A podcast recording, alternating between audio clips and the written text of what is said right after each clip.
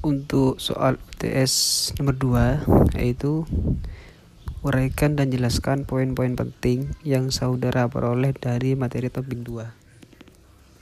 Sedikit saya ingin menjelaskan bahwasanya di sini yang untuk topik nomor 2 yaitu secara otonomi daerah di Indonesia. Yaitu Indonesia memang menggunakan sistem otonomi daerah dalam melaksanakan pemerintahannya dan di sini juga dijelaskan bahwasanya otonomi daerah merupakan kewenangan untuk mengatur sendiri kepentingan masyarakat atau kepentingan untuk membuat aturan guna mengurus daerahnya sendiri. Dilansir dari situs resmi Kementerian Dalam Negeri Republik Indonesia bahwasanya otonomi daerah menjadi permasalahan yang hidup dan berkembang sepanjang masa sesuai dengan kebutuhan dan perkembangan masyarakat dan adanya sistem otonomi daerah yaitu ternyata sudah terbentuk bahkan sebelum Indonesia merdeka. Kemudian pada 1903 Belanda mengeluarkan desentralisatiwet yang memberi yang memberi peluang dibentuk satuan pemerintah yang memiliki keuangan sendiri. Bahkan hanya setengah anggota dewan daerah yang diangkat dari daerah dan sebagian lainnya pejabat-pejabat pemerintah. Seperti itu. Untuk soal nomor 2B yaitu hal tentang apa saja yang saudara harapkan dari materi topik 2. Mengapa hal tersebut penting bagi saudara?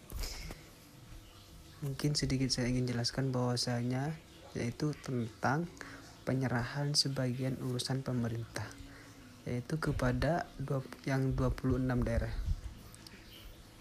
antara lain yaitu Aceh, Simalungun, Tanah Datar, Kampar, Batanghari, Muara Enim, Lampung Tengah, Bengkulu Selatan, Bandung, Banyumas, Sleman, Sidoarjo, Sambas, Kota Waringin, dan Tanah Laut. Kemudian Kutai, Minahasa, Donggala, Goa, Kendari, Bandung, Lombok Tengah, Timur Tengah Selatan, Auliu, Maluku, dan Sorong. Ini pada dasarnya yaitu kalau bisa itu buat urusan pemerintahannya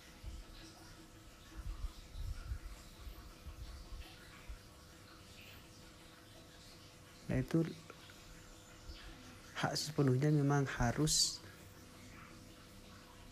diserahkan langsung kepada daerah-daerah tersebut seperti itu. Untuk soal nomor 2C yaitu buatlah tiga pertanyaan kritis yang meresahkan saudara terkait dengan materi topik. Jelaskan alasan saudara mengajukan pertanyaan tersebut.